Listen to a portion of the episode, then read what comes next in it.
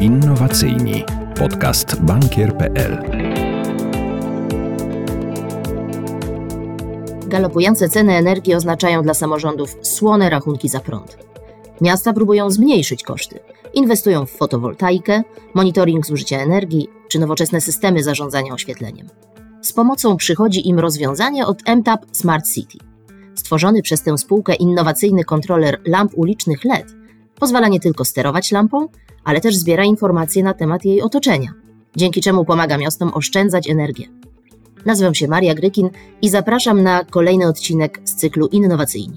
Moimi gośćmi są dziś twórcy startupu MTAP Smart City. Wiktor Krzeszewski oraz Błażej Żyliński. Chciałabym zacząć naszą rozmowę od pytania o to, czym według Was jest Smart City i jak powinno wyglądać.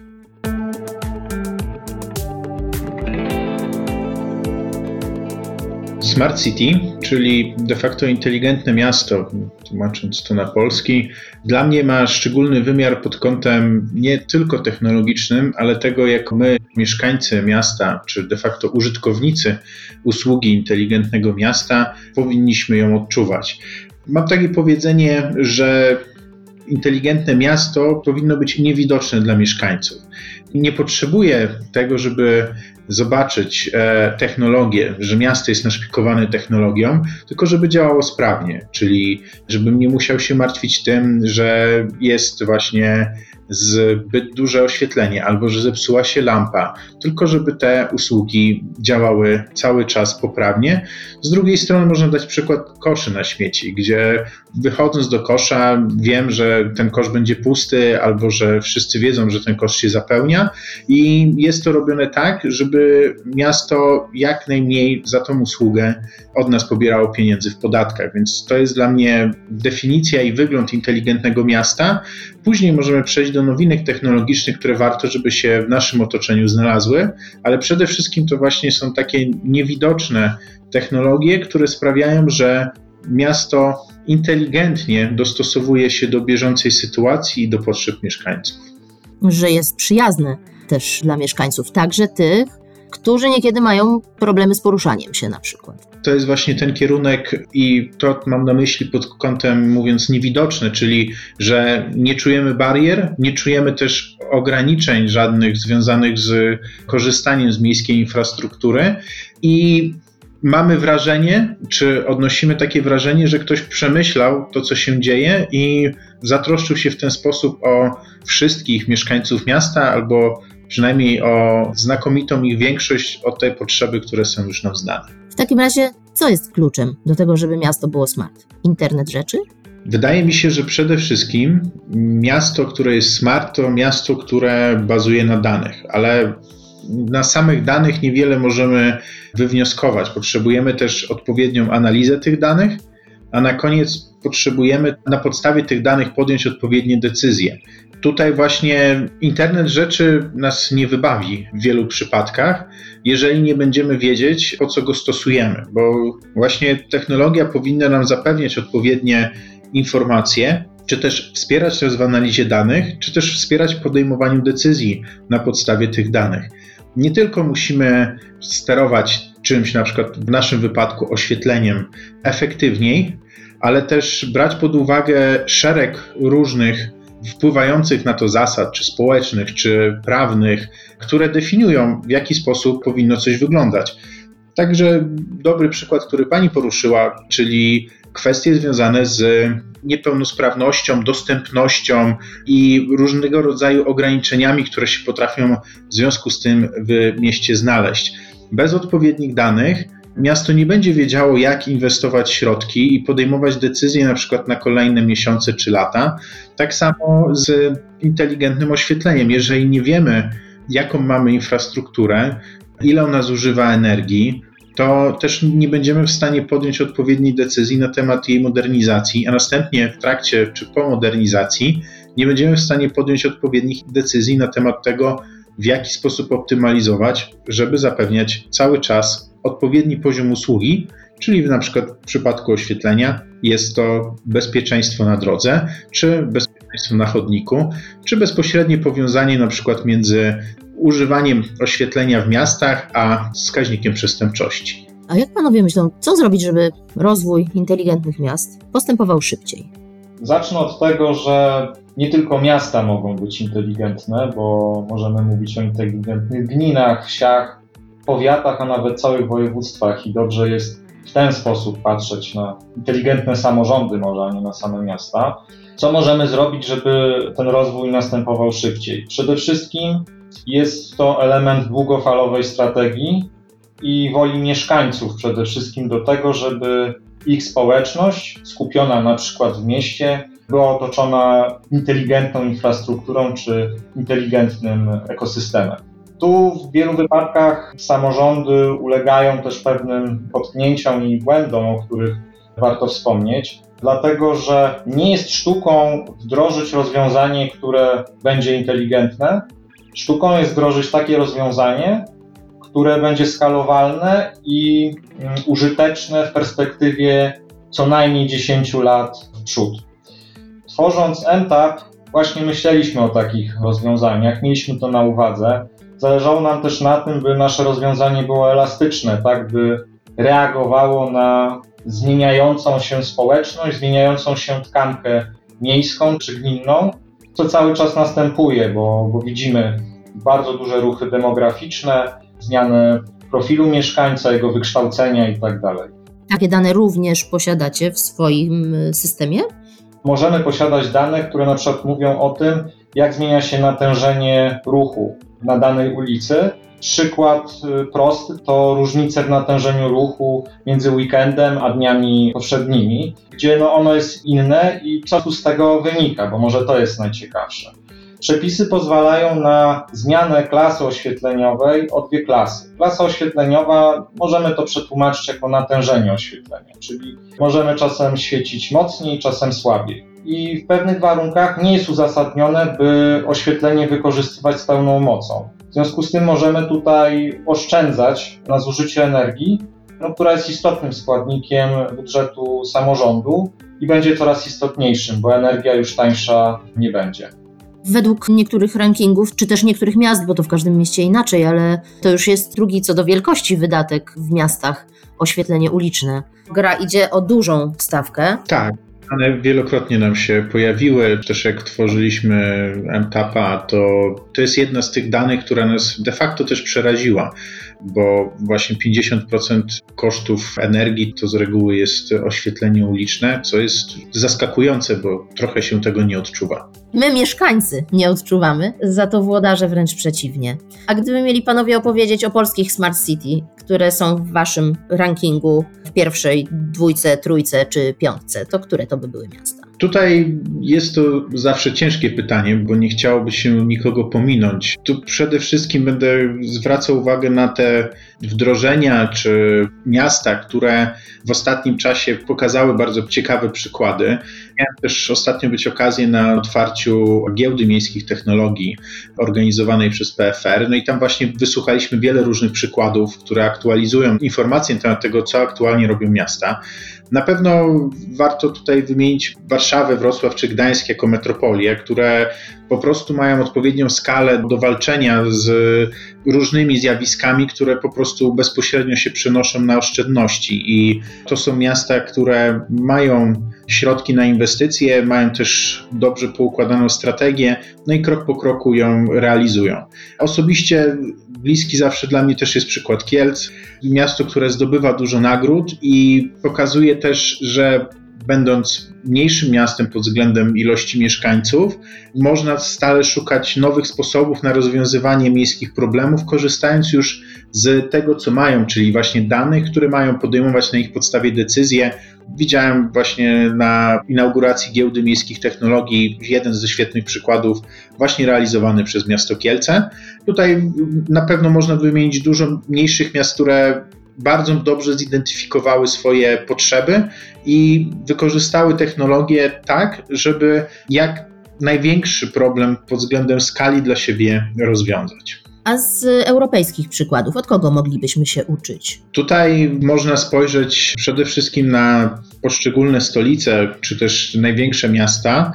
Mi zawsze w tym wypadku przychodzi przykład e, do głowy Barcelony, która jako miasto stanęła przed trudnym zadaniem ze względu na architekturę, na sposób tego, jak miasto wygląda, to, że ma też dużo ograniczeń różnego rodzaju, właśnie ze względu na bogatą historię, a jednak cały czas świetnie sobie radzi z wdrażaniem innowacji, dostosowaniem do mieszkańców, też do turystyki, której jest bardzo dużo i łączy to właśnie w sposób takiego niewidocznego, inteligentnego miasta, gdzie można skorzystać z wielu usług i człowiek czuje się zaopiekowany jako przyjezdny, czy też jako mieszkaniec. Tam zdaje się, że już 11 lat temu wdrożono system zdalnego sterowania oświetleniem ulicznym, a tymczasem w polskich miastach tu chyba jest jeszcze dużo do zrobienia. Jak panowie oceniają ten poziom? Na pewno mamy dużo do zrobienia. Mamy też e, sytuację, w której miasta często nie są właścicielem infrastruktury, co też troszkę utrudnia prędkość zmian i wdrożeń.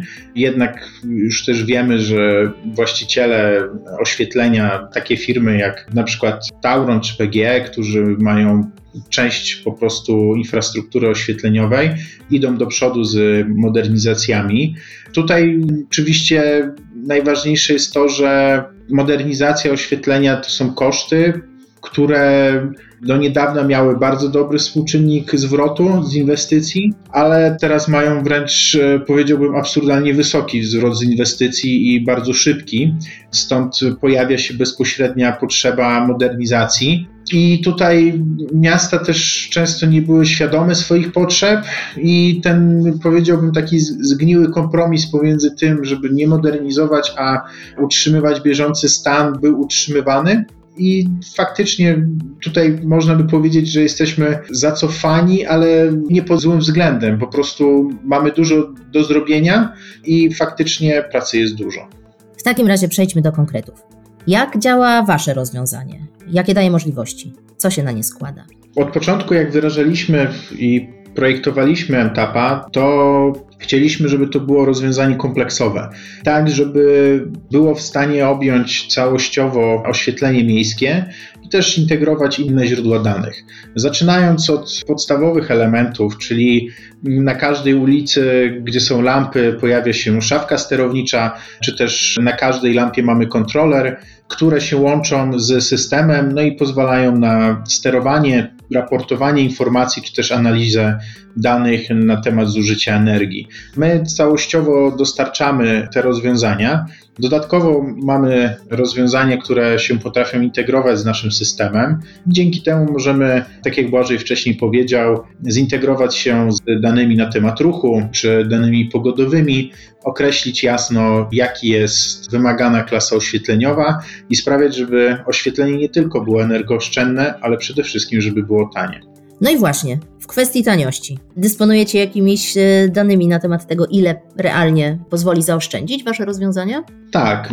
Systemy sterowania, tak jak już zauważyliśmy wcześniej, nie są czymś nowym w kategorii inteligentnego oświetlenia. Zakładając, że modernizujemy się od starego oświetlenia, czyli pierwszym krokiem modernizacji jest wymiana oświetlenia na LEDowe, tutaj mamy mniej więcej zmniejszenie kosztów energii o 50%. Drugim elementem jest już właśnie dodanie systemu sterowania. No i tutaj w zależności od lokalnych uwarunkowań jest to pomiędzy 20 a 25% zużycia energii. No i dodatkowy system, który dodajemy jako element naszego rozwiązania, to są inteligentne sugestie, czy też generalnie całe sterowanie autonomiczne systemu z wykorzystaniem algorytmu sztucznej inteligencji pozwala na dodatkowe 5 do 20% zmniejszenia zużycia energii. Dużo to oczywiście zależy od sprawności czy działania już osoby, która zarządza tym oświetleniem, ale staramy się doprowadzić do tego, żeby właśnie wdrożenie nowych sugestii na temat zmiany działania systemu odbywało się za pomocą jednego kliknięcia, czyli tak jak na Facebooku dostajemy powiadomienie i możemy jednym kliknięciem zaakceptować i wdrożyć właśnie nowy plan oświetleniowy, który będzie zgodny z bieżącymi zmianami właśnie w na przykład natężeniu ruchu. Tu mówimy o długofalowej zmianie planu.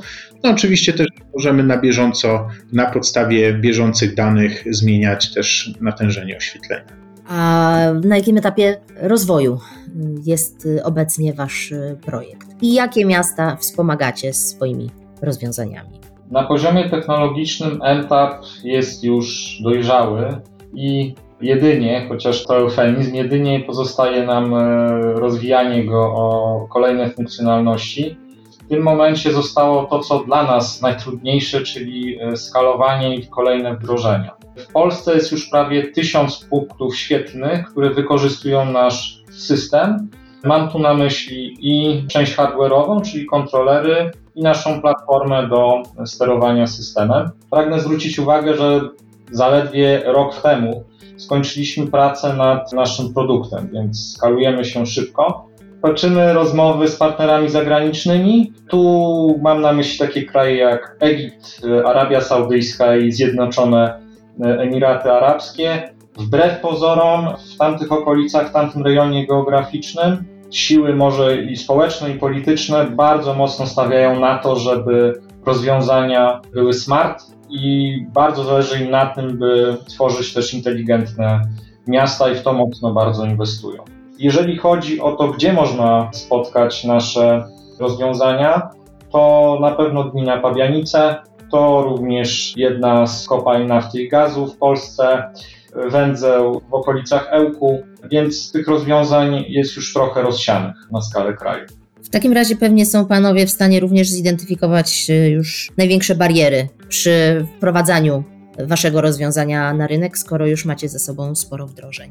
Tak, e, jeśli chodzi o reakcje podstawowe reakcje są pozytywne, wręcz zachęcające jest to, że pojawia się dużo pomysłów ze strony bezpośrednich użytkowników aplikacji, o co można by ją rozwinąć. Ponieważ dzięki temu wiemy, że skorzystali z tej aplikacji, korzystają cały czas i jeżeli coś im przeszkadza, no to faktycznie możemy to poprawić czy ułatwić im życie. Uwagi, z którymi się spotykamy, głównie są właśnie tym, o czym wspominałem na początku naszej rozmowy, czyli potrzeby dodatkowej analizy danych, czy specyficzny sposób obróbki danych, tak żeby lepiej się dostosować do ich potrzeb. Jest to ważne i dzięki temu pozwoli właśnie urzędnikom lepiej pracować i podejmować lepsze decyzje na podstawie dostarczonych danych. Sięgnijmy jeszcze na chwilę do korzeni waszego pomysłu, czyli do tego skąd się wziął MTAP Smart City i jak wyglądała Wasza droga do sukcesu?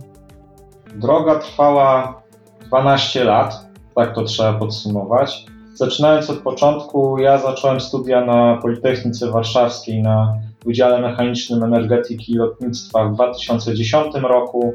Rok później Wiktor rozpoczął studia na Wydziale Mechatroniki i w 2012 roku zaczęliśmy budować łaziki marsjańskie na zawody w Stanach Zjednoczonych. Poza solidną lekcją inżynierii, tego co znaczy sformułowanie, że coś działa i nie, tego jakie konsekwencje ponosi się też, e, jeżeli nie do końca dobrze się coś zaprojektuje, to nauczyliśmy się jeszcze podstaw analizy rynku i szybko stwierdziliśmy, że może i łaziki marsjańskie są wspaniałe i na pewno jakiegoś będziemy chcieli na Marsa w końcu wysłać. To rynek łazików marsjańskich jest dość marny, bo za naszych czasów średnio chyba jeden na jakieś 8-10 lat leciał na Marsa, więc to nie był pomysł na biznes. Zeszliście z kosmosu do miast na Ziemię. Jeszcze, jeszcze gorzej, bo my zeszliśmy z kosmosu na dno, bo mieliśmy takie powiedzenie, że żeby sięgnąć gwiazd, trzeba sięgnąć dna. I nie ma w tym przypadku, dlatego że w 2014 roku zostaliśmy zaproszeni na zawody robotów podwodnych e, w Rumunii. To zaproszenie dostaliśmy w związku z tym, że startowaliśmy w takich zawodach NASA Lunabotics rok wcześniej które skończyły się dość dużym medialnym zamieszaniem, dlatego że była to historia, w której kurier zgubił paczkę studentów Politechniki Warszawskiej z ich robotem. Ci studenci, w tym ja, musieli odbudować na miejscu tego robota i to było dość szeroko komentowane. Rok wcześniej była ekipa z Rumunii i ona właśnie nas zaprosiła na te zawody. Zawody wygraliśmy i szukając środków na realizację tego projektu, wystąpiliśmy w programie trzecim Polskiego Radia, jeżeli e, dobrze pamiętam. I tam zgłosił się jeden z naszych późniejszych aniołów biznesu, wtedy pan Krzysztof, teraz już Krzysztof dla nas i razem z nim stworzyliśmy spółkę TechOcean. TechOcean pierwotnie miało się zajmować tworzeniem sprzętu do prac podwodnych, czyli robotów podwodnych. Tworzyliśmy też kamerę podwodną dla Instytutu Oceanologii Polskiej Akademii Nauk, ale po dwóch latach wiedzieliśmy, że też rynek tutaj nie jest nam sprzyjający. Musimy zmienić profil działalności. W związku z tym staliśmy się hardware house'em, czyli miejscem, w którym e, tworzyliśmy produkty, rozwiązania techniczne dla naszych klientów od koncepcji po, po wdrożenie do produkcji. Tam mogliśmy wykorzystać wszystkie umiejętności, jakie do tej pory zdobyliśmy. Projektowaliśmy płytki elektroniczne, tworzyliśmy obudowy, bazując na, na wiedzy z zakresu zornictwa przemysłowego i zespołu, który zbudowaliśmy. I to zaowocowało tym, że po dwóch latach takiej ciężkiej pracy mieliśmy bardzo wysokie kompetencje do tego, by z łatwością tworzyć własne rozwiązania techniczne i mieliśmy też no, bardzo dobre wyczucie, co na rynku jest rzeczywiście ważne, a co nie, bo też współpracowaliśmy z bardzo dobrymi klientami, od których można było się tego uczyć na poziomie biznesowym. I wtedy pojawiła się właśnie koncepcja tworzenia nowych startupów, bo wiedzieliśmy, że TechOcean już popłynęło w danym kierunku i z tą koncepcją właśnie wyszliśmy, że warto byłoby stworzyć coś nowego. I skąd wzięliście na to pieniądze? To jest dobre pytanie, ale właśnie łączy się już z historią MTAP-u, czyli zaczęliśmy szukać wyzwań właśnie w obszarze IoT, Smart City, szukaliśmy ich aktywnie, patrząc na to, co jest potrzebne.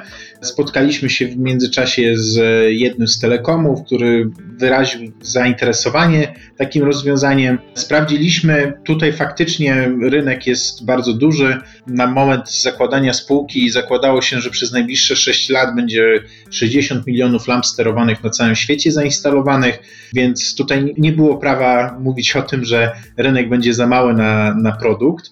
I następnie poszukaliśmy sposobu właśnie na finansowanie rozwoju naszego pomysłu. Pierwszym punktem to właśnie pojawił się pomysł zaaplikowania do platform startowych. Dołączyliśmy do Startup Heroes po kilku wywiadach rozpoczęliśmy na koniec 2019 roku akcelerację. Nie do końca jeszcze wiedzieliśmy, co faktycznie będziemy oferować. Chcieliśmy do tego podejść w 100% ścieżką startupu, czyli znaleźć potrzebę i w ramach inkubacji bardzo mocno ją zdefiniować, tak żeby wiedzieć, jak później wyskalować e, nasz biznes. Przez pół roku dosłownie biegaliśmy i wsadzaliśmy stopy w drzwi, rozmawialiśmy z wieloma osobami, nie tylko z osobami, które korzystają z takich systemów, czyli które się zajmują w miastach, ale też z dostawcami tego typu rozwiązań, tak żeby najlepiej zrozumieć potrzebę. I to, co nam się pojawiło jako niezagospodarowany kierunek, którego konkurenci nie zauważyli, jest to, że bardzo dużo miast posiada dużą infrastrukturę rzędu kilku tysięcy lamp i okazuje się, że zarządza takim systemem, czy w ogóle taką ilością lamp jedna osoba, która ma pod sobą jeszcze różnego innego rodzaju obowiązki, więc ona nie bardzo ma czas nawet myśleć o tym, w jaki sposób tą energię zoptymalizować. Nie ma na to czasu, nie jest to też robione w sposób systemowy, więc chcieliśmy na to przede wszystkim zwrócić uwagę i stwierdziliśmy, że to jest ten element. A oczywiście, patrząc na nasze mocne kompetencje, nie tylko od strony hardware'owej, ale też od strony właśnie technik sztucznej inteligencji, które na bazie różnych danych potrafi dać proste wsparcie i przeprowadzić użytkownika przez proces właśnie użytkowania systemu w sposób taki, żeby był jak najbardziej energooszczędny, no i też docelowo działać za niego w tle. Oczywiście no, realizacja projektów hardware'owych e, nie jest prosta pod względem kosztowym, bo nie tylko wymaga odpowiednich umiejętności, ale także zaplecza sprzętowego, czy też wytwarzania prototypów. Więc e, idąc kolejnym za ciosem, zdobyliśmy dofinansowanie właśnie z Polski Wschodniej z programu 112 a równolegle pozyskaliśmy pierwszego naszego potencjalnego klienta w ramach akceleratora Space 3AC i tam poznaliśmy zespół firmy Luxon, która pomogła nam dostosować nasz produkt do realiów rynkowych I jeśli chodzi o kolejne kroki finansowania, no to pozyskaliśmy nie tylko finansowanie na rozwój produktu, ale także na zaatakowanie de facto nowych perspektywicznych rynków właśnie z programem Go to Brand. Wybraliśmy się na targi do Zatoki Arabskiej. Mieliśmy okazję spotkać się z wieloma przedstawicielami branży tam. Nawet wczoraj dostałem jedno z zapytań ofertowych właśnie na system sterowania na ulicach właśnie w Arabii Saudyjskiej. Więc tak wyglądała nasza droga. Też w naszym dążeniu do rozwoju i szybkiego skalowania pomógł nam fundusz Brave VC, który dołączył do nas na pokład w roku 2021 i nie tylko wsparł nas środkami, ale także wsparł nas doświadczeniem zespołu i pokazał, że współpraca z funduszem Venture Capital ma też ludzką stronę. W takim razie na podstawie Waszych doświadczeń, wzbogaconych y, doświadczeniami partnerów, poproszę Was o krótką receptę na sukces dla raczkujących startupów. Recepta na sukces dla raczkującego startupu nie jest w gruncie rzeczy tak odległa jak dla zwykłego przedsiębiorcy, chociaż to zwykłego biorę bardzo duży nawias. Przede wszystkim źródłem sukcesu jest nawet tego opartego innowacyjnie technologii jest stabilność. Stabilność powoduje, że możemy budować swoją przyszłość, tworzyć strategię w oparciu o scenariusze, które no, nie będą się zmieniać jak w kalejdoskopie. Oczywiście nie mamy wpływu na takie sytuacje jak wojna, jak wybuch pandemii, ale też muszę przyznać, że często sami sobie robimy dość duże problemy.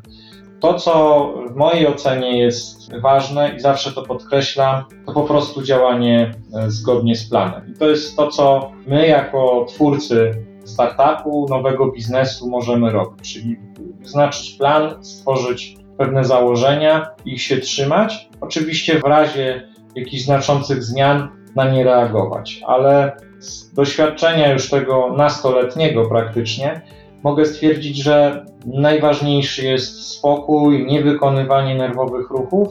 Fajnie jest być wizjonerem, to jest wysoce wskazane przy tworzeniu startupów, ale bardzo jest źle, jeżeli ta wizja jest utopijna i ciągnie nas na dno. Bardzo dobrą e, metodą jest e, szukanie ekosystemów startupowych, czyli miejsc, gdzie można porozmawiać o naszym pomyśle, gdzie można też zderzyć nasze wyobrażenie o produkcie z potencjalnymi klientami. Możemy mieć do czynienia z dwoma podejściami. Pierwsze jest takie, że tworzymy technologię i potem się zastanawiamy, jak można ją sprzedać, i ono jest bardzo trudne do wdrożenia i udaje się tylko nielicznym stworzyć technologię, która akurat będzie odpowiadała na potrzeby rynkowe w danym czasie.